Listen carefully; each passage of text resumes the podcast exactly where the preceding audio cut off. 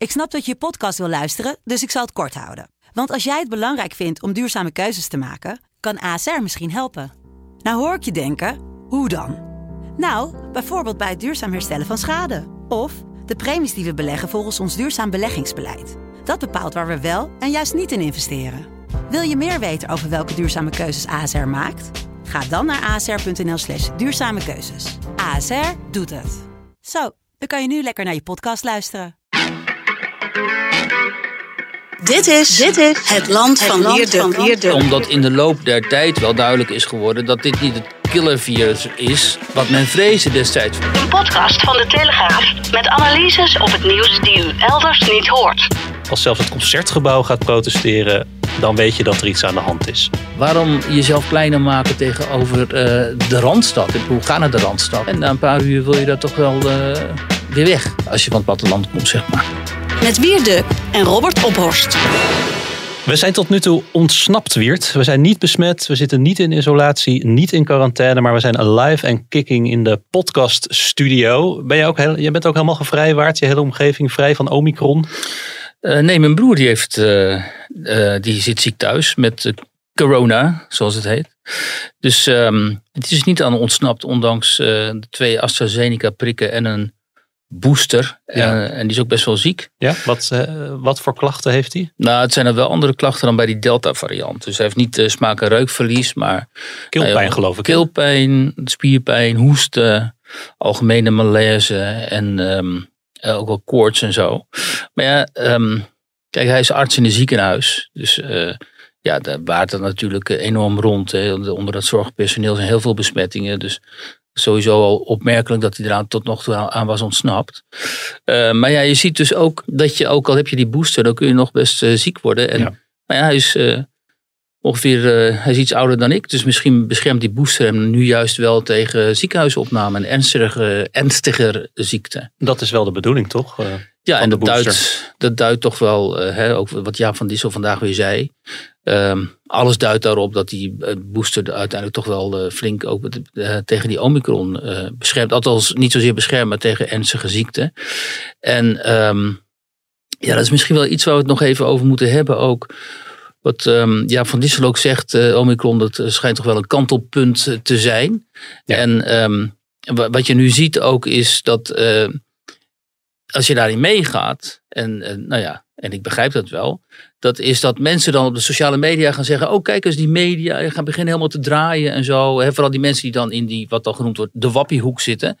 Die dan gaan zeggen: Oh, zie je wel, nu beginnen ze ook allemaal te draaien en zo. He, ze komen op hun schreden terug en zo. Maar draaien als in hoe? Nou, als, in, als je dan voorheen bijvoorbeeld had gepleit voor, um, voor quarantaine of voor de vaccins en zo. Of had gezegd van die, die vaccinaties, dat zijn toch wel, dat is toch wel de uitweg uit die crisis. Ja. Maar ja, al leer, aldoende leer je en aldoende word je ervaringsdeskundige. En als dan blijkt dat die vaccinaties niet de enige uitweg uit de crisis zijn, dan kun je dat natuurlijk ook toegeven. Maar dan gaan mensen zeggen, zie je wel, ze hebben het altijd bij het foute eind gehad en zo, wel bij het juiste eind. Dat vind ik dan zo opmerkelijk. Alsof je in een situatie die wij nog helemaal niet gekend hebben van zo'n pandemie, niet tot uh, allerlei nieuwe inzichten kunt uh, komen. Ja. En uh, ja, met alle schade en schande van die natuurlijk, omdat... Um, Hè, hoe destijds is ingezet op die vaccinaties. Um, en met de argumentatie dat als we één of twee prikken krijgen, dat we er dan wel vanaf zijn. Ja, dat blijkt dus gewoon niet het geval te zijn. Maar ja, als, je dat moet je, als het dan zo is, dan moet je dat ook erkennen, lijkt mij. En ja. dan, nou was onze vorige zorgminister niet uh, de allerbeste in het erkennen van fouten. Maar uh, ja, dat vaccinaties niet de uitweg uit de crisis zijn. Dat uh, is volgens mij inmiddels wel. nou, dat is wel heel gebleken, problematisch ja. geweest. Hè? De, de, de, persoonlijkheid van Hugo de Jonge, die natuurlijk vooral zelf wilde shinen. Want die was op elke foto, waar een, elke locatie waar een prik te vinden was, ja. daar was hij om hij had het voor geen goud willen missen. Had allemaal voor geen goud willen missen. En um, was dus ook heel uh, insisteerde enorm op die vaccinaties, omdat hij daar zo op had ingezet. Ja. En als hij wat minder, zeg maar, zijn persoonlijkheid hier in de strijd had geworpen en iets meer gedacht had aan de volksgezondheid, dan waren wel, wellicht ook andere uh, aspecten veel meer in beeld geweest. Bijvoorbeeld sporten, gezond eten, afvallen ja. hè, en niet te dik worden. Want uh, mensen die te dik zijn, die zijn toch wel heel gevoelig gebleken voor dit virus en zo. Ja. En eh, jongeren. Maar we gaan het eh, straks uitgebreider hebben over inderdaad de rol van eh, jongeren in deze crisis. Of althans de geestelijke gezondheid van jongeren en het veranderende sentiment. Maar eerst even iets heel anders. Kijk, als jij zo hoog van de toren blaast als stadsbestuur over hoe het allemaal moet, hoe mensen zich moeten gedragen, dan is dit toch wel een, een ja, ik vind het wel een komisch contrast. Dus ik dacht, wij gaan er gewoon een vraag over stellen. Ja, natuurlijk niet van, uh, ja, waarom, uh, waarom, waarom moeten we hier naar deze dames kijken bij de grote, bij de grote BAVO? Ja, we hadden hier op de site van de T ook een stukje over online staan van onze collega's van het Haarlems Dagblad. En ik begreep er helemaal niets van. En ik begrijp het nog steeds eigenlijk niet. Ik woon in Haarlem, dus misschien gaat het me daarom ook extra aan het hart. Maar we hoorden hier Louise van Zetten. Dat is, zij is fractievoorzitter van Hart voor Haarlem. En ze had vragen gesteld over een openbaar toilet dat is geplaatst bij de Grote Markt. Nou, dat is nou waar je als gemeente voor bestaat, zou je zeggen. Zorgen voor openbare voorzieningen. Ja. De horeca is dicht, dus dankzij deze openbare toiletten kunnen marktkooplui en het winkelend publiek toch eenvoudig naar de wc. Maar nee, dan moeten dan weer vragen over worden gesteld in de gemeenteraad. Want op die toiletten staan cartoonachtige tekeningen. En dan zegt zij dus, die afbeeldingen zijn aanstootgevend en seksistisch. Dat past niet bij het stadsbestuur dat voor diversiteit en inclusiviteit zegt te zijn. Als je als stadsbestuur hoog van de toren blaast uh, over hoe het allemaal moet en hoe mensen zich moeten gedragen, dan kun je het niet maken om met deze stel toiletten aan te komen. Nou, mijn brein moest een U-bocht maken om dit te begrijpen, want je kunt het niet allebei doen. Je kunt niet en de gemeente aanspreken op het feit dat ze volgens jou de stadsbewoners in je, in je woken mal duwen, en tegelijkertijd je beklagen over deze afbeeldingen omdat ze seksistisch zouden zijn. Het is het een of het ander.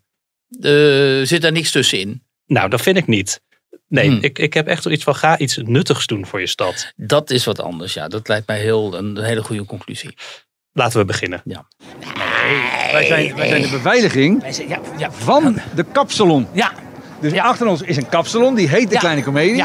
Daar worden publiek geknipt, daar worden cabaretiers geknipt. Ja, maar zij denkt nog dat het een theater, theater is. Maar theater mogen niet open, hè? Nee, dat mag niet. Dat mag niet. Dat mag zou niet. in verzet zijn. Dat gaat nou, niet. Dat denken we niet aan. Dat zouden we nooit doen. Ja, Bert Visser en uh, Jochem Meijer, toch twee van de sympathiekste cabaretiers, al zeg ik het zelf.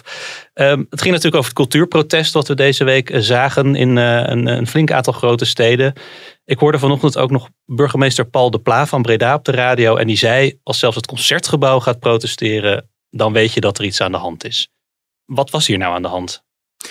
Nou ja, dat uh, ook de allerbraafsten in de samenleving, die ook best wel geleden hebben onder die, uh, onder die coronacrisis, namelijk de cultuursector, dat zelfs die um, het niet meer trekken. Omdat zo overduidelijk nu blijkt dat met de komst van Omicron en de dominantie van Omicron, uh, de maatregelen die golden niet meer hoeven te gelden.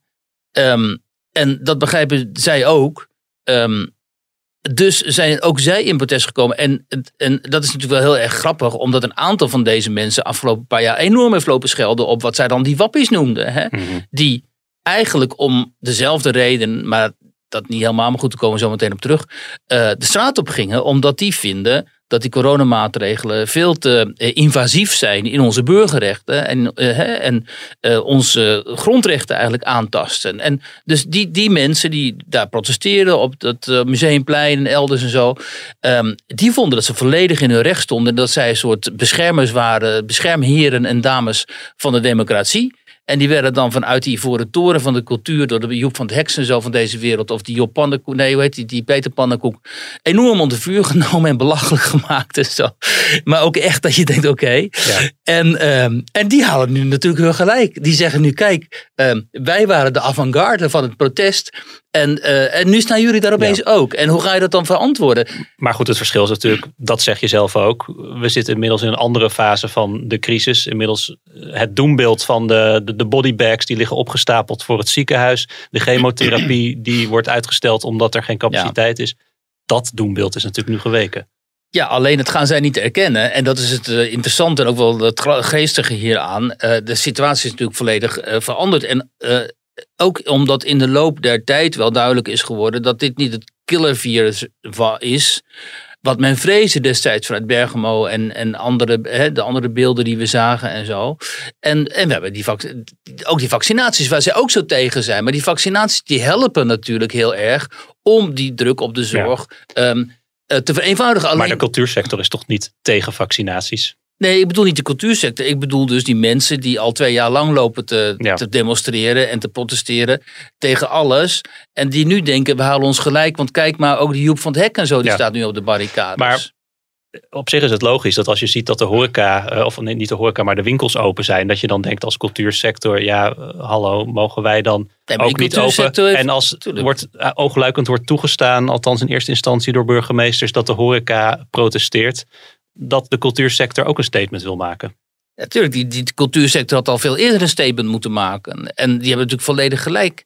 En, ehm, eh, en het interessante hier is dat wat vroeger dus een rebelse generatie eh, cultuurdragers was. Hè, in de jaren zeventig zo, mensen als Freek de Jonge en noem maar op. Die allerlei taboes doorbraken en die de macht bekritiseren. En vooral de macht en niet de zwakkeren. Eh, dat is inmiddels omgedraaid. Dat zag je heel erg in die eh, nieuwjaarsconferentie, meen ik, van die Peter Pannenkoek. Die begon niet de macht te bekritiseren, maar de, de, de, die wappies, zoals hij ze noemt. Dus de mensen die het opnemen tegen de macht. En eh, dus die hele cultuurwereld is veranderd. Daarna zijn ze ook zo lang zo braaf geweest. Hè? Want ehm, eh, dat zie je ook aan de linkse of de progressieve media. Die zijn ook heel lang meegegaan in het verhaal van, nood- van, van de overheid. Ehm, waar ze vroeger heel kritisch waren op de overheid. Goed, dat is een heel interessant sociologisch mediaal fenomeen. Dus nu het eigenlijk weer veilig was om te protesteren, omdat Omicron minder eh, bedreigend is, dan durven ze opeens. Nou, daar, daar komt het natuurlijk wel een beetje op neer. Althans, zeker in de ogen van die mensen die zichzelf als de demonstranten Ja. van het eerste uur zien. Maar in jouw ogen dan? Wat vind jij ervan? Eh, ik vind dat eh, die cultuursector die de zaken goed voor elkaar had eh, hè, en die, waar gewoon heel veel maatregelen werden genomen om de besmettingen in te dammen en, en, die echt erg hun best hebben gedaan om evenementen mogelijk te maken, dat die zo zwaar is getroffen telkens en dat die zo aan het, aan het eind van het lijstje stonden van, van eh, ehm, relevantie.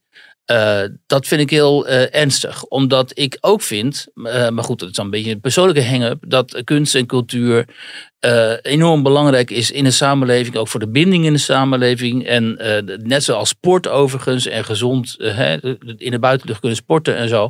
Dat had allemaal juist gestimuleerd moeten worden. Maar dat was telkens zo ongeveer als eerste ehm eh, dolven die, eh, of Delften dolven die het onderspit. Ja. Ik bedoel dat, dat ook bijvoorbeeld het, de amateurvoetballerij en de hockey en zo, dat het op een gegeven moment gesloten werd, notabene in de buitenlucht. En dat die kinderen niet meer tegen elkaar konden voetballen en zo. Ja, dat is allemaal heel erg eh, schrijnend geweest. En de gevolgen daarvan, het zou nog best wel kunnen zijn dat die langdurige gevolgen hebben. Omdat heel veel jongeren hebben afscheid genomen van die clubs en zo. Die zijn gewoon geen lid meer. Dus Ja. nou ja, die zitten thuis te gamen nu. Ja, hadden we ook een, deze week een verhaal over in de krant. Hè, dat veel sportclubs kampen en verenigingsleden- verenigingen kampen met afgehaakte leden. Die Ja. eh, dachten van ja, hallo, ik, eh, contributie loopt door, ik zeg het op. Want eh, ja, ik krijg er niks voor terug. Ja, en hoe snel vind je dan, vooral die jongeren, eh, krijg je die dan, dan weer terug? Nou, dat, dat, maar goed, dat, dat is dus in dat beleid, eh, is dat allemaal over het hoofd gezien. Het is gewoon niet goed mee omgegaan. En de- natuurlijk vind ik het terecht dat die cultuursector dan Ja. eh, op deze manier aan het eh, protesteren is. Maar het heeft natuurlijk wel iets, de, de, toch de relatieve braafheid waarmee het gebeurt. En ja, voor mij is het natuurlijk ook heel grappig om te zien dat iemand als zo'n Diederik Ebbingen dan, die dan eh, altijd een hele grote mond heeft over sommige mensen, eh, onder wie mij. Ehm, eh, dat die dan ook bij op een gegeven moment toch van een koude kermis thuis komt. Omdat de mensen in het openbaar bestuur en de politiek met wie hij zich eigenlijk bevriend acht, namelijk links, progressief en zo, die zeggen dan op een gegeven moment ook, ja, we willen dit toch liever niet, hè, dat je dit gaat doen. En dan, dan ziet hij opeens hoe, je, hoe, hoe hij ook tegen de macht aan kan lopen. Hè, terwijl hij zelf natuurlijk ook echt iemand is die het liefst anders, andere, mensen met andere meningen zo snel mogelijk de mond snoert en zo. Maar nu werd hij zelf even min of meer de mond gesnoerd. Ja, dat is dan wel heel grappig om te zien, moet Ja. ik zeggen. Het eh, Veiligheidsberaad van de 25 burgemeesters wil dat het kabinet eh, nog deze week aan de horeca- en cultuursector laat weten hoe hun nabije toekomst eh, eruit ziet. Het beraad wil dat er een echt concreet plan op tafel komt. Ja. Een stappenplan dus. Een routekaart, een dashboard. Het, het zijn wel dingen waar het kabinet al sinds het begin van de coronacrisis niet in slaagt. Nee, dat is natuurlijk het grote probleem in die hele crisis. Dat er nooit een punt aan de horizon is waar wordt gezegd: oké, eh, daar is het afgelopen. Hè? Zoals wat, wat, wat de Britten nu doen Nou bijvoorbeeld. ja, dat werd af en toe wel gedaan als we allemaal gevaccineerd zijn. Maar dan blijkt het weer niet eh, te kloppen. Ja, dan blijkt weer niet te kloppen. Of ze durven of ze deinzen dus eh, terug. Hè? Wat die Britten nu doen. Kijk, die Britten die leven al maanden in een hele andere geestelijke ruimte eigenlijk dan, dan wij in de, hun omgang met dat virus. Dat, kun je op alles terugvoeren, grotere capaciteit en zo. Uh, sowieso andere omgang met, uh, met grondrechten en met vrijheid en noem maar op en zo. Maar ja, het feit is dat ze in een hele andere werkelijkheid zitten, terwijl ze met hetzelfde virus te maken hebben. En dat is toch wel heel merkwaardig. Dus er is in Nederland zoveel misgegaan in de omgang met dit virus. Maar ook vooral in de omgang met de eigen burgers en met de eigen bevolking. Hè? Uh, ik las ergens, ik weet niet meer waar. De, um, Oh, dat is geloof ik in die brief van die burgemeesters. Die zeggen van juist, kijk aan het begin was het zo, we gingen met z'n allen dan dat virus te lijf. En er werd vertrouwd op saamhorigheid en op gemeenschapszin en zo. Maar uh, dat is steeds meer, het is steeds meer een autoratieve uh, aanpak geworden. Het is steeds meer uh, vanuit het gezag wordt gezegd: je moet dit en je moet dat. Ja. Nou, dat werkt sowieso niet in Nederland, dat hebben we gezien. En het is ook gewoon echt een hele slechte destructieve aanpak, omdat, uh, omdat wij hebben allemaal met dit virus te maken. En het kan niet zo zijn dat een kleine groep van vanuit OMT een kabinet zegt oké, we gaan dit en dit en dit doen. En dan ook telkens nog eens een keer de foute keuzes ja, maakt. Ik vind wel dat de burgemeesters ook in de spiegel moeten kijken. Want je hebt ook in deze crisis vaak gezien dat er vanuit de overheid, uh, de landelijke overheid, werd gezegd van ga nou op lokaal niveau uh, testen, traceren en uh, bron- en contactonderzoek doen. En neem nou op lokaal niveau maatregelen. En dan zaten die burgemeesters vaak van ja, nee, als we dat in onze gemeente doen en in de buurgemeente doet het anders, dat gaat niet werken. Dus Den Haag moet met een, met, met een oplossing komen. Dus ze hebben ook structureel steeds naar Den Haag gekeken voor bijna alles. Ja, dat is ook zo. Maar nogmaals, um, het is natuurlijk ook niet een gemakkelijke uh, kwestie. Omdat als je dan als gemeente opeens uh, meer vrijheden toestaat. En vervolgens wordt je gemeente, uh, zeker in de tijd dat de Alpha Delta nog dominant waren, wordt dan opeens een superspread gemeente. Ja, dat, dat wil je natuurlijk ook niet. Dat risico wil je ook niet lopen. Um, dus het, dat is ook heel gewikkeld en ingewikkeld. Daarom had toch vanuit het kabinet een OMT. OMT had sowieso vanaf het begin veel, veel diverser moeten zijn. Hè? Uh, nou, die roep om diversiteit in de samenleving is uh, heel actueel, heel urgent. Maar juist OMT had te weinig mensen vanuit ja. andere disciplines aan boord. Waardoor ze heel erg, uh, heel erg zeg maar vanuit hun eigen discipline, hè, epidemiologie en zo, virologie, keken naar dit probleem. En dan krijg je natuurlijk dit soort adviezen. Als er niet een gedragsdeskundige bij zit, of een socioloog, hè, of, of een psycholoog. Want de, de, de psychologische gevolgen, wel goed, dat is een beetje cliché inmiddels, maar de psychologische gevolgen, vooral voor jongeren van deze lockdown, die zijn natuurlijk uh, immens. Nou, dat blijkt zo meteen wel als we het over suicides onder jongeren ja, gaan hebben. Daar gaan we het inderdaad uh, straks wat uitgebreider over hebben, maar eerst even iets heel anders.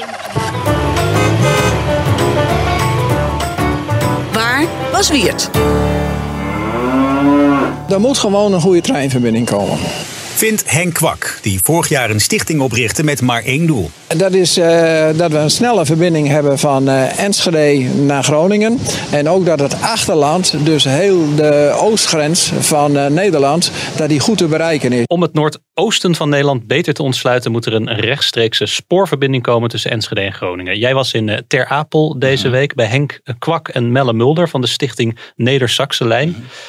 Hoe slecht bereikbaar is het noordoosten van Nederland dan? Um, het is niet zozeer slecht. Nou ja, het is niet zozeer slecht bereikbaar vanuit de randstad. Maar daar binnen in die regio, als je inderdaad van Enschede naar Groningen wilt, dan, met de trein bijvoorbeeld, dan kom je op een gegeven moment uh, kom je in Emmen en dan houdt de trein op. En dan is er geen traject naar Musselkanaal. En, dan, uh, he, en dus dan, dan, je kunt niet rechtstreeks nee, bij Emmen naar stopt, Groningen. Bij Emmen stopt uh, Noordoost-Nederland. Nou, voor de treinen wel. En dan moet je dus een eindje verderop, 20, 25 kilometer verderop. En dan kun je daar bij Musselkanaal, Stadskanaal weer op de trein. Dan kun je naar, naar Groningen. Um, maar um, dus die verbinding, die is niet goed. Maar het leuke is, um, of het leuke, okay, wat voor mij interessant is, is om dan uh, daar te zijn. En ik heb ook even uh, daar rondgereden. Ik ben naar Ter Apel geweest. Maar ik heb natuurlijk ook nog even naar in, in die andere gemeentes uh, gekeken en zo. En je moet je voorstellen dat uh, in tegenstelling tot misschien andere delen van Nederland. Dat mensen daar eigenlijk een heel leven doorbrengen in die regio. Dus um, He, je, wordt, uh, je wordt daar geboren in een, een, van de dorpen daar. Je gaat uh, naar de middelbare school in een wat groter dorp, waar dan zo'n streek, uh, streekschool is. Volgens ga je studeren in Groningen of ja. in Enschede. Dat zijn in de grotere universiteitsuniversiteiten. En op een gegeven moment ga je weer terug, vind je werk, vind je weer werk in je eigen regio. Ik, ik pak bijvoorbeeld zo'n ChristenUnie eh, wethouder uit Hardenberg. Ja, die is er ook opgegroeid, heeft daar gestudeerd. Die is nu wethouder in Hardenberg, weet je wel. Maar is het leven daar dan zo mooi dat iedereen of veel mensen daar toch blijven? Ja, ik denk het wel. Voor heel veel mensen. Kijk, het is natuurlijk een hele mooie omgeving daar. Hè. Drenthe, en dat, het oostelijke deel van Groningen, maar ook uh, Twente en zo. Ja, het is natuurlijk allemaal prachtige streken. Mm dat, dat, dat, zie je nog een beetje in Nederland zoals het vroeger was. Uh, dus als, ik kan me heel goed voorstellen, als je jongeren bent en je hebt je vrienden daar en je hebt daar ook gestudeerd in de regio, dat je niet per se denkt van joh, ik ga maar eens in Den Haag wonen nu of in Amsterdam. een van de mensen die ik sprak, Melle Mulder, die vertelde ook, zijn, zijn dochter had dan ook in de Randstad gewerkt. Maar ja, die is onder corona ook inmiddels weer teruggekomen, want dat kan best en ze kan thuiswerken. En die, die is liever gewoon eh, in, in die streek.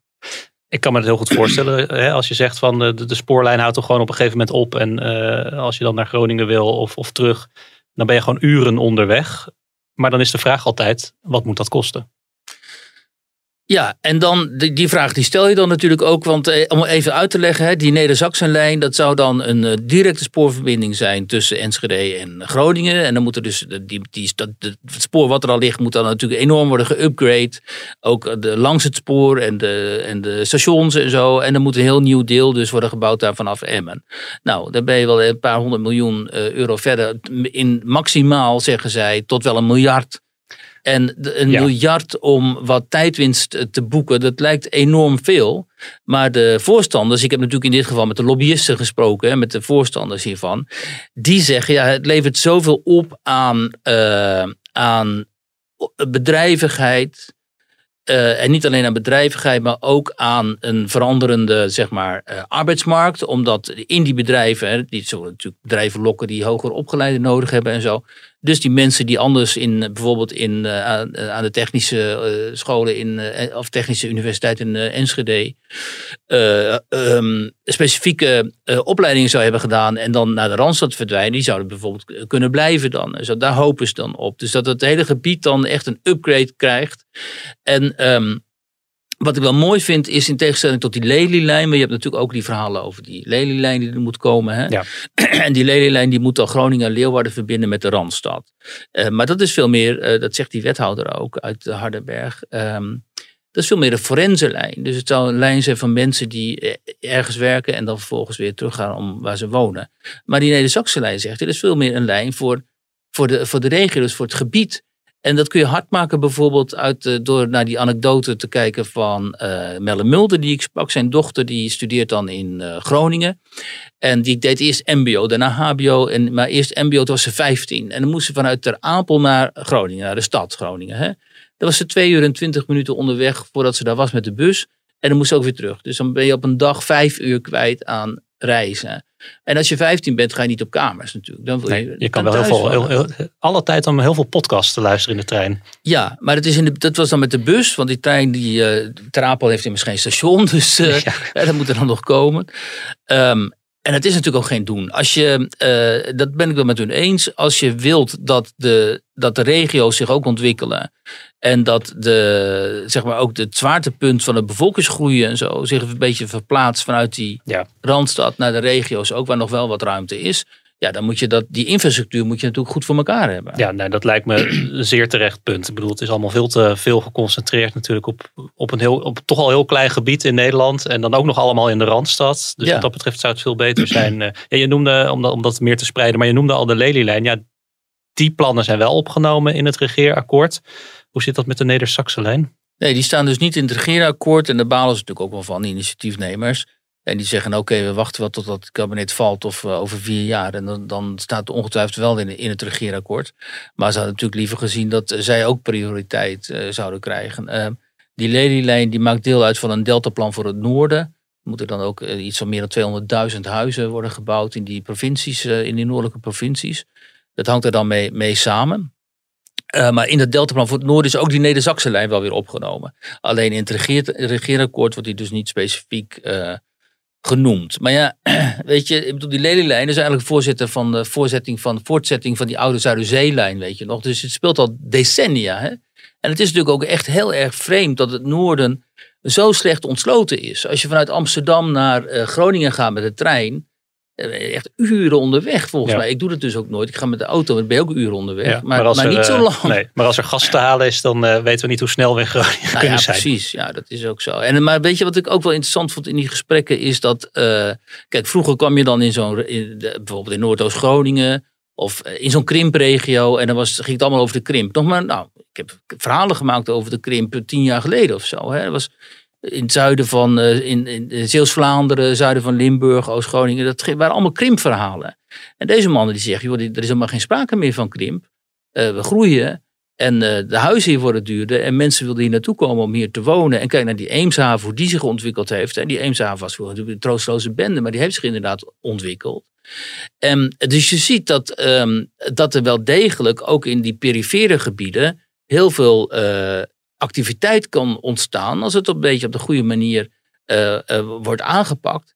En ook als de mensen eh, daar zelf gaan begrijpen. En in het bewustzijn van die mensen zelf zeg maar, bij die mensen zelf het bewustzijn postvat dat zij geen periferie hoeven te zijn. En dat zie je nu ook bij de Groningers, die nu zo hè, met die fakkels daar rondlopen. Die hebben natuurlijk veel te lang, hebben zij zichzelf als een windgewest gezien, ook zelf eigenlijk. Hè. En pas de laatste jaren ook, doordat het gewoon onhoudbaar werd, de manier waarop met hen is omgegaan. Dus eh, de, echt de, slechte manier waarop het kabinet Rutte dit ook weer hebben aangepakt zijn zij eh, met elkaar gaan soli- solidariseren en hebben zij begrepen, joh, we moeten gewoon in verzet komen hier tegen. En dan, wat die Melle Mulder ook zei, gewoon eh, de borst naar voren, een beetje trots en weg met het Calimero-gedrag. Nou, dat vind ik heel goed, want ik, ik, ik heb in Groningen gestudeerd en dus ik ken die streken goed en zo. En het Calimero-gedrag heeft mij ook altijd verbaasd, weet je. Dat ik dacht, joh, jullie hebben zoveel te bieden hier, het is hier hartstikke mooi en zo. Waarom jezelf kleiner maken tegenover eh, de Randstad? Ik bedoel, ga naar de Randstad. En, eh, en eh, hè, na een paar uur wil je daar toch wel eh, weer weg. Als je van het platteland komt, zeg maar. Het land van de luisteraar. Ik heb het gevoel dat we vandaag en morgen helemaal niets meer te vertellen hebben. We leven toch in een geweldig land. Echt woedend, ja, serieus. Ik kan me zo kwaad om maken. Ze doen nog geen bliksem, helemaal niks. Nederland is de mooiste land op aarde. Mooi is hier, hè? ons nieuwe muziekje. En onze nieuwe rubriek. Want inderdaad, eh, zit je te luisteren en heb je een vraag, heb je een opmerking, wil je ergens op ingaan, eh, iets aanstippen? Dat kan allemaal. Dat kan eh, door te mailen naar podcast.telegraaf.nl. En dan eh, behandelen we eh, jouw eh, mail in deze nieuwe rubriek. Nou, we kregen bijvoorbeeld. Niet een- allemaal natuurlijk. Nee, niet keuze, allemaal. We maken ja. een, een, een strenge, doch rechtvaardige selectie. En dat hebben we deze week ook gedaan. We kregen bijvoorbeeld een eh, mailtje van Richard. Die zegt, eh, wederom genoten van jullie podcast. Nou, dat is alvast een tip om in deze rubriek te komen. Beginnen met een compliment. Eh, hij schrijft, Wiert doet voorkomen. Eh, ik moet even zeggen, het gaat over... eh, hij mailt naar aanleiding van eh, vorige week toen we het hadden over een stuk in de Spectator. The End of Democracy. Was een groot stuk eh, over hoe de middenklasse eh, steeds meer eh, macht, geld en... ja, eigenlijk alles steeds meer dreigt kwijt te raken aan een heel klein groepje technocraten. Ehm, de middenklasse wordt steeds armer, krijgt steeds minder bezit. Daar ging die eh, analyse over. Eh, Richard Milt Wiert doet voorkomen eh, alsof de analyse van het huidige kapitalisme nieuw is. Bob de Wit heeft hier een jaar geleden echter al een boek over geschreven met de naam Society 4.0. Even gemist. En Tom Switzer heeft hier met zijn Een Blauwe Tijger, dat is een uitgever, al jaren over. Helaas al die tijd weggezet als complotdenker. Ken jij Society 4.0 en het werk van Tom Switzer? Eh, jazeker. Ehm, eh, en Bob de Wit ook, want eh, dat is namelijk degene die toen ik laatst in een, in een, eh, bij een avond in Leiden, in een kerk in Leiden met mensen die zeg maar een alternatief coronabeleid voorstaan, wetenschappers en, en intellectuelen. Toen was hij daar ook en toen was heel boos op mij, want ik vertegenwoordigde daar voor hem de MSM, zoals dat heet, de mainstream Ja. media. En eh, die hadden volgens hem enorm gefaald in deze crisis. Eh, en ik mocht daar dan ter plekke even gewoon boete gaan doen en het schuld, schuld, eh, ehm, boetekleed aantrekken en schuld bekennen. En eh, uiteindelijk is het wel goed gekomen na afloop. Maar de aanval op mij in, op, binnen die sessie die zich daar afspeelde, eh, die was best wel fel. En eh, goed, dat vind ik op, op zichzelf geen probleem. Maar kijk, eh, en, maar dat is wel het probleem wat ik hier aan de orde wil stellen. Namelijk, ehm, Richard heeft wel gelijk dat ehm, er natuurlijk dit soort analyses al eerder zijn gemaakt. Maar het gaat, hem, het gaat er wel om in hoeverre uh, zijn analyses zeg maar heel erg absolutistisch en ook agressiever. En wijken in sommige gevallen ook zozeer af van wat nog uh, in redelijkheid feitelijk kan worden genoemd. Of zijn dergelijke analyses die kritisch zijn op het huidige kapitalisme, zoals van die Joel Kotkin die wij noemden, uh, uh, gebaseerd op, op argumenten die nog binnen de grenzen van de redelijkheid vallen. Kijk, en dat is het probleem ook met de uitgaves van uh, Tom Switzer vaak. Hè, van de Blauwe Tijger. Van de Blauwe Tijger, uh, die vaak wordt afgeschilderd als uh, complot, uitgeverij en zo. Wat niet klopt, omdat hij ook gewoon echt hele interessante boeken uitgeeft. Want ik heb wel een aantal van die boeken gelezen en zo. En die zijn best wel interessant. Maar er zitten ook boeken bij van die mensen die dan zozeer zijn echt vervreemd van het intellectuele debat en zozeer in die rabbit hole terecht zijn gekomen. Waarin ze dan echt waanzinnige boeken kunnen schrijven. Dat ik denk, ook ik heb nu ook weer zo'n boek.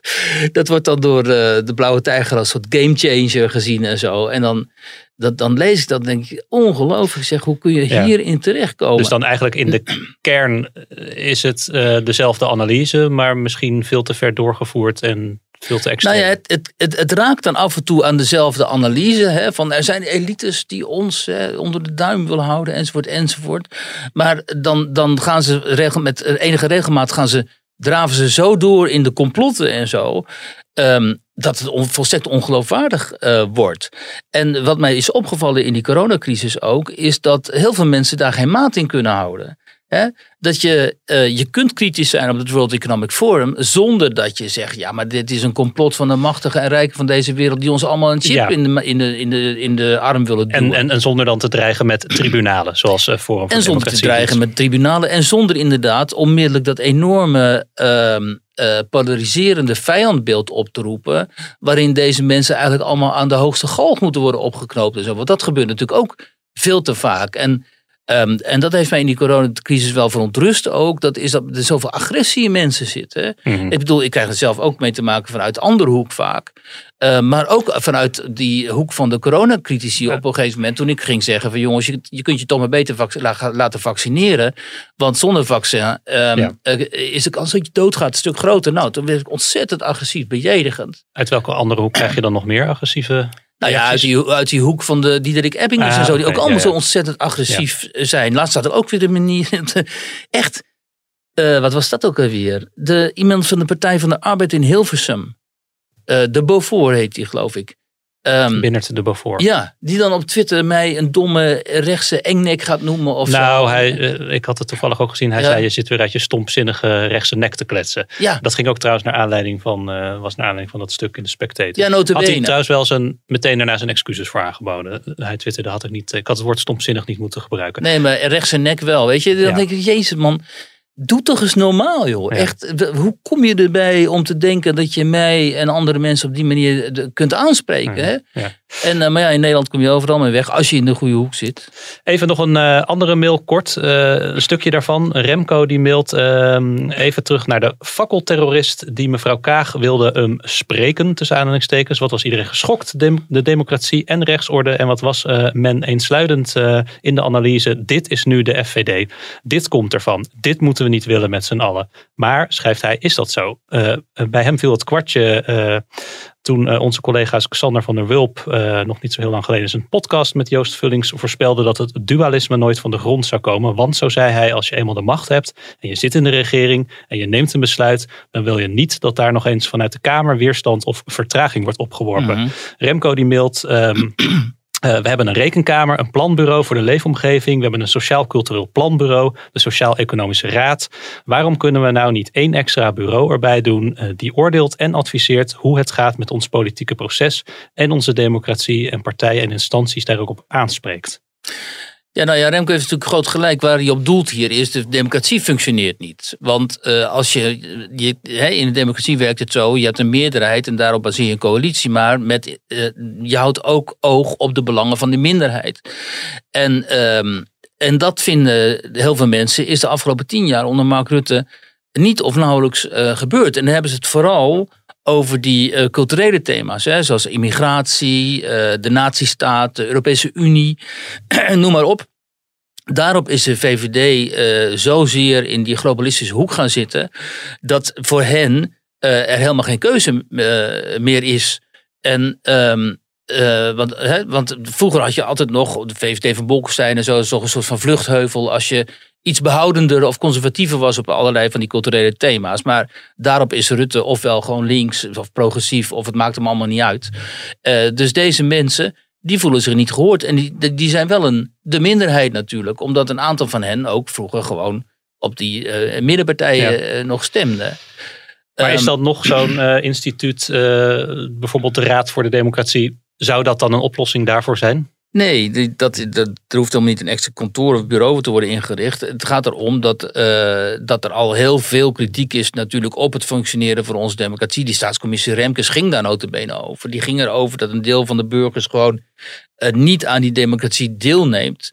Uh, nou, iemand als Nietske Dubelboer, die Remco ook noemt trouwens, is daar inderdaad onvermoeibaar mee bezig. die heeft ook gepleit tegen het afschaffen van dat van het referendum, wat D66, uh, waar D66 zo graag van af wilde. Allemaal terecht, omdat democratie. Uh, mensen moeten natuurlijk wel het gevoel hebben dat ze via de stembus ook een verschil kunnen maken. Maar in Nederland is dat op dit moment niet meer zo. En dat kun je dus Rutte en de VVD en de middenpartijen heel, heel, heel erg kwalijk nemen. Dat zij voor een veel te groot deel van het electoraat, waar hij het over heeft, Remco, geen vluchtheuvel meer uh, vormen. En de mensen die, die tegenstemmen, uh, ofwel op uh, erg links, SP bijvoorbeeld, maar ook mensen die op rechts, en dat zijn er meer, tegenstemmen op Vorm van Democratie en, partij, en PVV.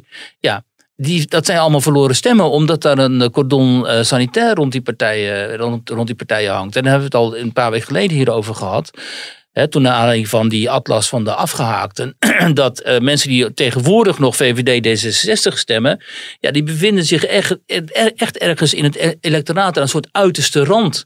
Met, van mensen die, met wie het zelf goed gaat en die vinden dat het met Nederland heel goed gaat. En zoveel zijn dat er niet. Alleen het zijn er genoeg voor die twee partijen om samen met andere partijen een coalitie te vormen. Dat zijn de hoogopgeleide, globalistisch denkende, anywheres. Mensen die overal zich wel prima voelen. En, en daar tegenover staan, staan dan die somewheres. Die mensen wat we het eigenlijk net over hadden, ook in de regio's en zo. Die zich geworteld voelen.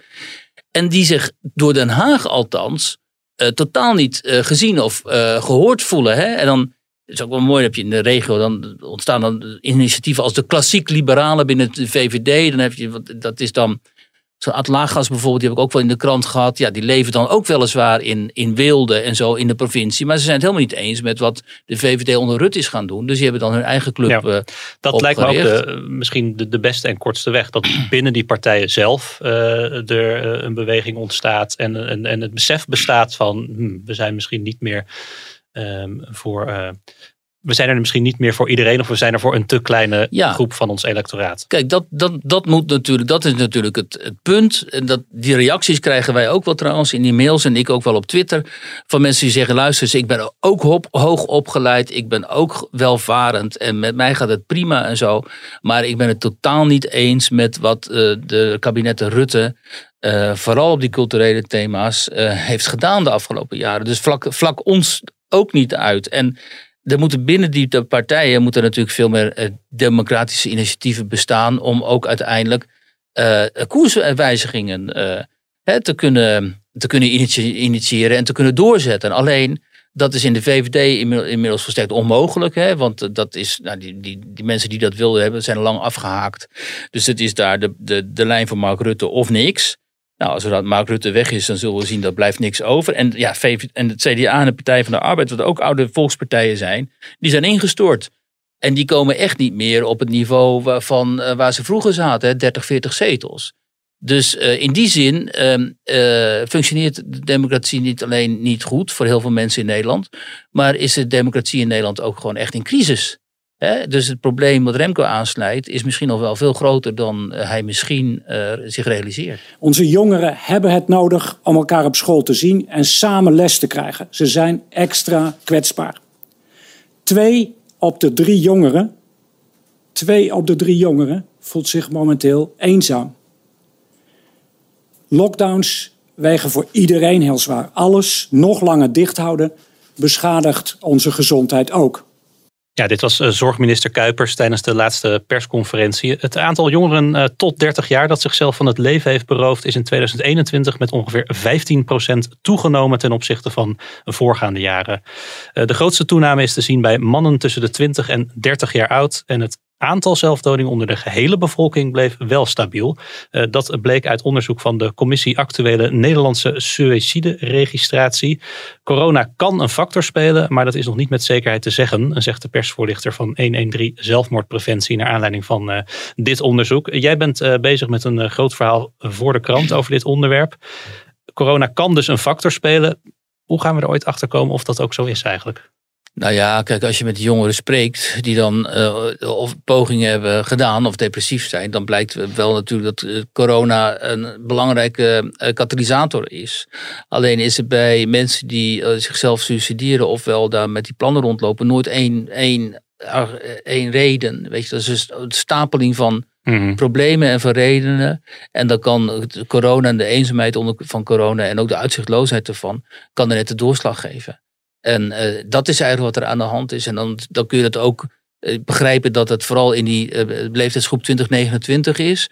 En vooral ook onder mannen, omdat mannen ja, uiteindelijk toch minder makkelijk over emoties praten. En, ja, het aantal zelfmoorden is geloof ik structureel altijd iets hoger onder mannen. Ja, ja, want vooral, maar dan heb je het vooral over mannen hè, vanaf de jaren 40 en zo. Mhm. Die dan vaak met scheidingsproblematiek zitten of verweduwd zijn. Dus tussen 40 en de 70, daar is het aantal zelfmoorden altijd hoger dan bij vrouwen. Maar bij jongeren is dat seksenverschil er niet? Of minder? Nou, in dit geval uh, uh, is het, dat weet ik eigenlijk niet of het normaal, normaal zo is. Dat ze, dat, dat moet ik nog, dat moet ik nog uit, nou, gelukkig heb ik nog tijd. Uh, of het normaal zo is dat zowel meisjes als jongens, dat die aantallen op hetzelfde niveau liggen. Maar in dit geval van de coronaperiode die ze onderzocht, is in ieder geval duidelijk dat het aantal jongens ja. uh, hoger is. Maar ik, ik geloof dat het altijd zo is hoor. Mm -hmm. Dat jongens sowieso altijd. Maar goed, ik ga daar geen uitspraak over. Nee, daar moeten we voorzichtig in zijn. Um, wat kunnen wij als maatschappij doen? Anders dan zoveel mogelijk coronamaatregelen versoepelen uh, of opheffen. Dan is het probleem ja. immers opgelost. Nou ja, dat, vond, dat was eigenlijk mijn vraag voor dit stuk. Want je hoort natuurlijk eens in zoveel tijd, krijg je dit weer te horen. 113 trekt aan de bel. Er zijn te veel uh, suicides, zelfdodingen, zoals we dat moeten noemen dan. En, uh, en dan moeten we wat aan gaan doen. Maar ja, uh, dan denk ik van ja, is het niet gewoon structureel? Elke samenleving kent dit soort problematiek. En is het niet zo, ook omdat die aantallen de laatste jaren wel gelijk blijven, hè, dat in de, de totalen, die blijven wel gelijk. Is het, moeten we niet gewoon accepteren als samenleving dat dit nu eenmaal uh, voorkomt. Maar ja, dan spreek je met mensen, met uh, psychiaters of met de, die onderzoekster Renske Gillissen van 113. En die hebben dan toch best wel goede praktische verhalen. Bijvoorbeeld, waarom zeggen ze bij 113, waarom kijken we niet... We hebben bijvoorbeeld we hebben het aantal ongevallen, verkeersongevallen, enorm weten te reduceren de afgelopen decennia. Dat weten heel veel jongeren waarschijnlijk niet. Maar in de jaren 80, 70 en zo was het aantal verkeersongevallen echt veel hoger dan, dan nu. En dat is niet alleen aan technologie te danken, maar ook aan het feit dat we gewoon heel veel maatregelen hebben genomen en ook geïnternaliseerd. Vroeger reed je zonder veiligheidsgordel gewoon. Hè. En met een paar borrels op. En met een paar borrels, ja, dat kon allemaal maar. En um, dus de, de, de, de socialisatie ook, hè, wat de socioloog uh, Norbert Elias uh, civilisatieproces noemde, dat, die is op dat gebied heel erg uh, geslaagd. Je internaliseert al die maatregelen en je gaat inderdaad niet, weer, niet meer dronken achter het stuur. En je doet die veiligheidsgordel om en zo. En, je, en, en in ja. het geval van roken en longkanker, die relatie, is het natuurlijk ook een enorm ja, succes. Maar dat geweest. is heel concreet ook het koppelen aan gedrag. Maar hoe kan dat bij uh, suïcidale gedachten? Want je zit niet lekker in je vel, je maakt je zorgen, je zit te piekeren, ja. je, je denkt na over zelfmoord. Nou ja, doordat de samenleving dan een systeem optuigt, waar, zeggen zij, waarin veel sneller wordt herkend uh, wat, dat er iets met mensen aan de hand is, niet alleen jongeren in dit geval. Uh, en iemand als S. van Venema bijvoorbeeld, die opperde laatst het plan om bij die teststraten van de coronateststraten, om daar ook een geestelijke teststraat aan te verbinden, waardoor jongeren of anderen die met zichzelf in de knoop zitten en met deze tijd in de knoop zitten, dat ook daar kunnen zeggen en uh, snel herkend worden, zodat er al heel snel uh, ingegrepen kan worden. En ik, kijk, wat je zegt, hè, je gedrag kun je niet zomaar veranderen. Maar je kunt gedrag, als je als samenleving een systeem hebt. waarin dit soort problematiek meer herkend wordt. en ook meer erkend wordt. en, en ook Mhm. als er minder toch eh, nog een taboe omheen hangt. dan kun je gedrag misschien wel Ja. enigszins sturen. Nou ja, ik, ik bedoel eigenlijk dat je gedrag misschien makkelijker kan veranderen. Maar dit gaat ook om gedachtes en gevoelens. En eh, dat is natuurlijk lastiger eh, te sturen. Ja, en uiteindelijk is dat in sommige gevallen natuurlijk niet te sturen. Hè? Want ik sprak met een jongen. Die heeft echt jarenlang rondgelopen met eh, de gedachte aan zelfdoding. Nee, en ja. die, heeft ook, eh, de- die heeft ook zelf pogingen gedaan. Ik bedoel, ik geloof dat in het christelijk geloof eh, soms wel gebruikelijk is om, om, om zelfmoord echt heel erg eh, ehm, eh, te veroordelen, Ja. moreel gezien. Ja. Maar dat lijkt me niet de juiste weg om, om jongeren aan te praten van je mag niet nadenken over zelfmoord en zelfmoord is verkeerd. Nee, je moet ze juist aanpraten van joh, eh, ieder mens, eh, de meeste mensen zijn in hun leven wel eens een tijd eh, depressief of hebben het moeilijk. En we leven weliswaar in zo'n verschrikkelijke prestatiemaatschappij waar ieder- iedereen via selfies doet alsof hij enorm succesvol is en zo. Maar dat is niet de werkelijkheid. Dus je moet, eh, en het wordt natuurlijk al enorm op grote schaal gedaan ook. Hè. Je moet proberen het bespreekbaar te maken, maar je moet, het moet een soort, vinden deze mensen dan, ik bedoel, ik ga hier niet over, maar ik kan ik kan me voorstellen dat, dat dat positief zou zijn. Je moet dus in de scholen en dergelijke, waar jongeren zich bevinden, vooral ook, maar ja, ook ouderen, ehm, moet je heel snel kunnen interveneren. Dus heb je mensen nodig die die signalen zien en die begrijpen wat, wat ze daarmee moeten. En die ook daaromheen geen eh, taboe eh, moeten opbouwen. Dus dat, dat moet op een praktische manier met ehm, deze problematiek worden omgegaan. En ehm, kijk, wat ik dan ook denk, wel eens denk van, ja, we leven natuurlijk in zo'n enorm geïndividualiseerde emotiemaatschappij, waarin ook op als je de interviews luistert, bijvoorbeeld de radio en tv, dan gaat het altijd over emoties. Wat voelde je? Mhm. Hoe voel je je nu? Eh, Wat hoe- gaat er door je heen? Ja, hoe was het voor je? Hoe was het voor je omgeving? En zo. Laatst echt een interview met iemand die had best een interessant verhaal. Dat hoorde ik op de radio, op eh, de Nederlandse radio. Ja.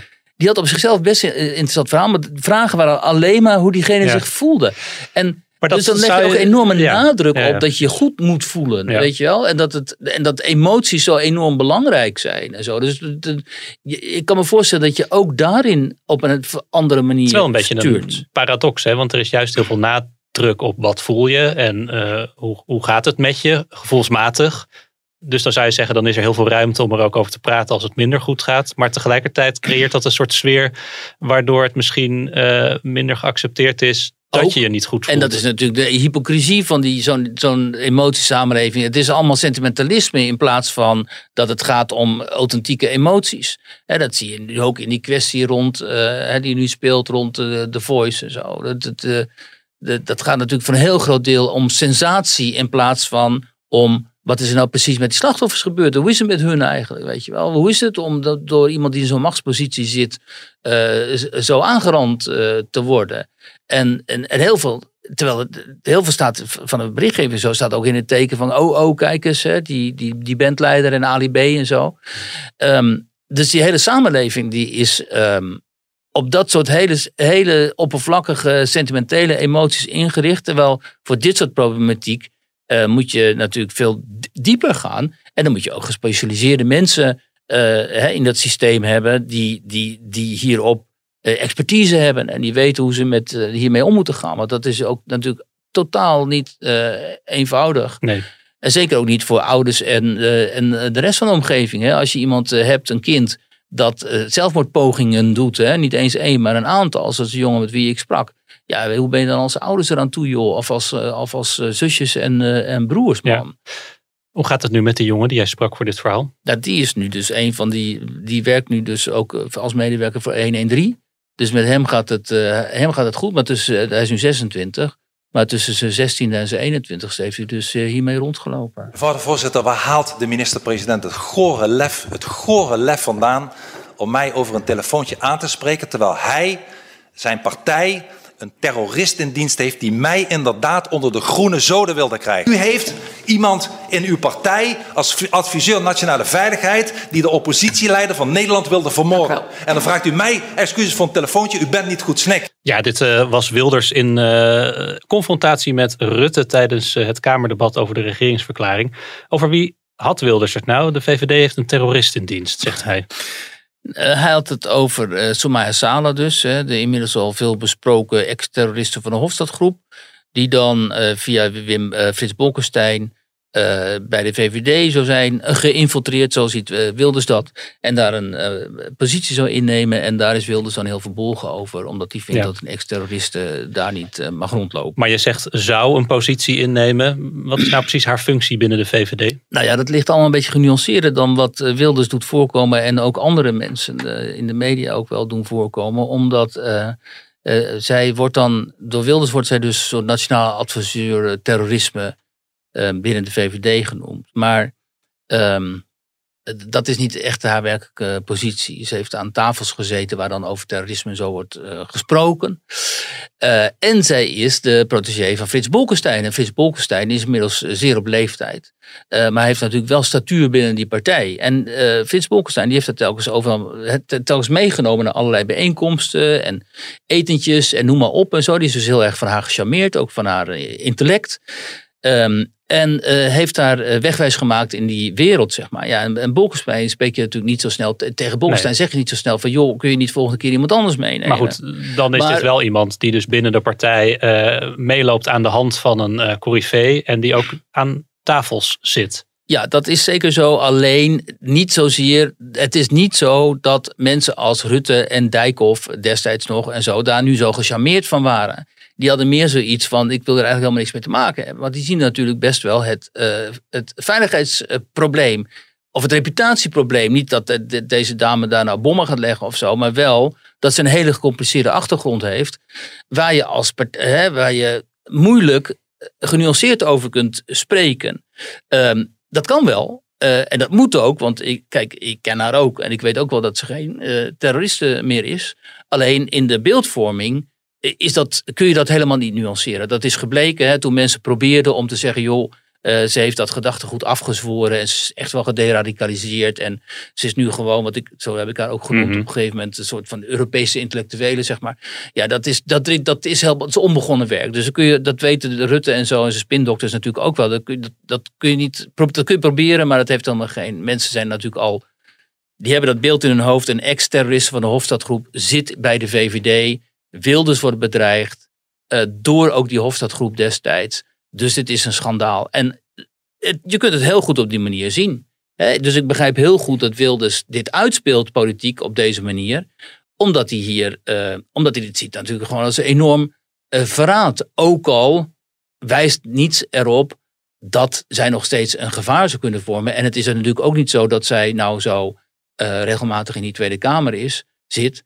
Um, en je kunt ook moeilijk haar zus Vondersalen, die dan voor D66 in de Kamer zit nu, uh, schuldig maken aan de eerdere daden van Somaya Salen, haar zuster. Mm -hmm. En het is bovendien ook zo, um, wat uh, Somaya Salen deze week zelf heeft gezegd, dat zij notabene contact heeft gehad met Martin Bosma, hè, de, de toch wel nog adjudant van uh, Wilders. De PVV Corrivé, als we dan toch over Corrivé hebben. Precies, PVV Corrivé.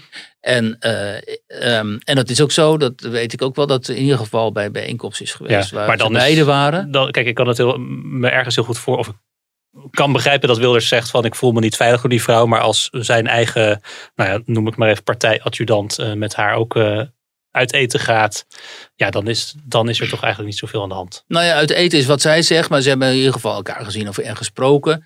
Kijk, en het problematische hier ook, of een van de problematische dingen in deze kwestie vind ik van, ja, um, wanneer, hoe lang blijft iemand nou precies schuldig voor zijn uh, daden? Hè?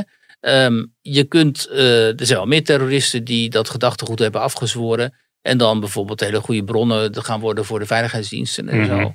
zo. Um, uh, ik heb er ook altijd moeite mee hoor. Ik moet zeggen, ja, hoe kun je nou in godsnaam uh, jarenlang de, bepaald type gedachtegoed hebben aangehangen, wat ook heel agressief en, en, en uh, gewelddadig is. Dat vervolgens afsferen en dan een soort model VVD'er worden of een model democraat.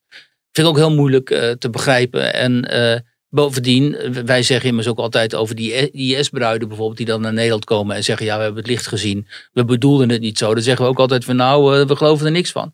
Dus je moet er niet met twee maten gaan meten. Mhm. Maar ja, als je dan iemand spreekt en kent en zo, dan, ehm, dan, dan wordt het natuurlijk allemaal weer genuanceerder, gaat het allemaal genuanceerder liggen. Maar nogmaals, in, het, in de retoriek en in het debat en in de, de, het hele verhaal over deze kwestie speelt nuance helemaal geen rol. Daar kun je geen nuance, eh, wat ik eerder zei, die nuance die verdwijnt onmiddellijk. Zeker als er dan ook in de media mensen zijn die zeggen van eh, wij geloven helemaal niks van deradicalisering en zo. Terrorist is voor altijd een terrorist en deze mensen wilden, te- hebben Theo van Gogh vermoord, dus wij hebben geen enkele... We hebben geen enkele fiducie eh, daarin. En we hebben ook eh, de wil helemaal niet om te luisteren. Want eh, deze mensen hebben zichzelf voor eeuwig gebrandmerkt. Ja, dat is ook een standpunt dat je in kunt nemen. Dus het is uiteindelijk een, zit die VVD in een heel lastig pakket. Ehm, eh, en dat vind ik terecht dat ze in het lastige pakket vinden. Dat, begrijp ik ook. En dat hebben ze inderdaad eh, te danken aan eh, Frits Bolkestein. Die zich over die familie heeft ontfermd. Want niet alleen nam hij Somaya Saleh mee naar allerlei bijeenkomsten en zo. Hij sprak ook nog eens een keer een, een videoboodschap in. Toen haar zus Fonda Saleh in de, in de Kamer kwam. En het neemt van mij aan, de omgeving van de heer Bolkestein is over al deze eh, incidenten niet, eh, laten we zeggen, heel gelukkig. Maar wie bedoel je dan met de omgeving? Nou, mensen die eh, gewoon met hem te maken hebben Hmm. en die hem goed kennen en die, die dit allemaal ook aanzien en daar hun, hun gedachten over hebben. Ja. Wiert, ik dank jou hartelijk.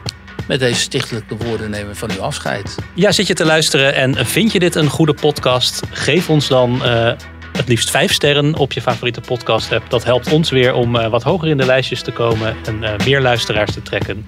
Dus vind je ons goed? Laat het blijken.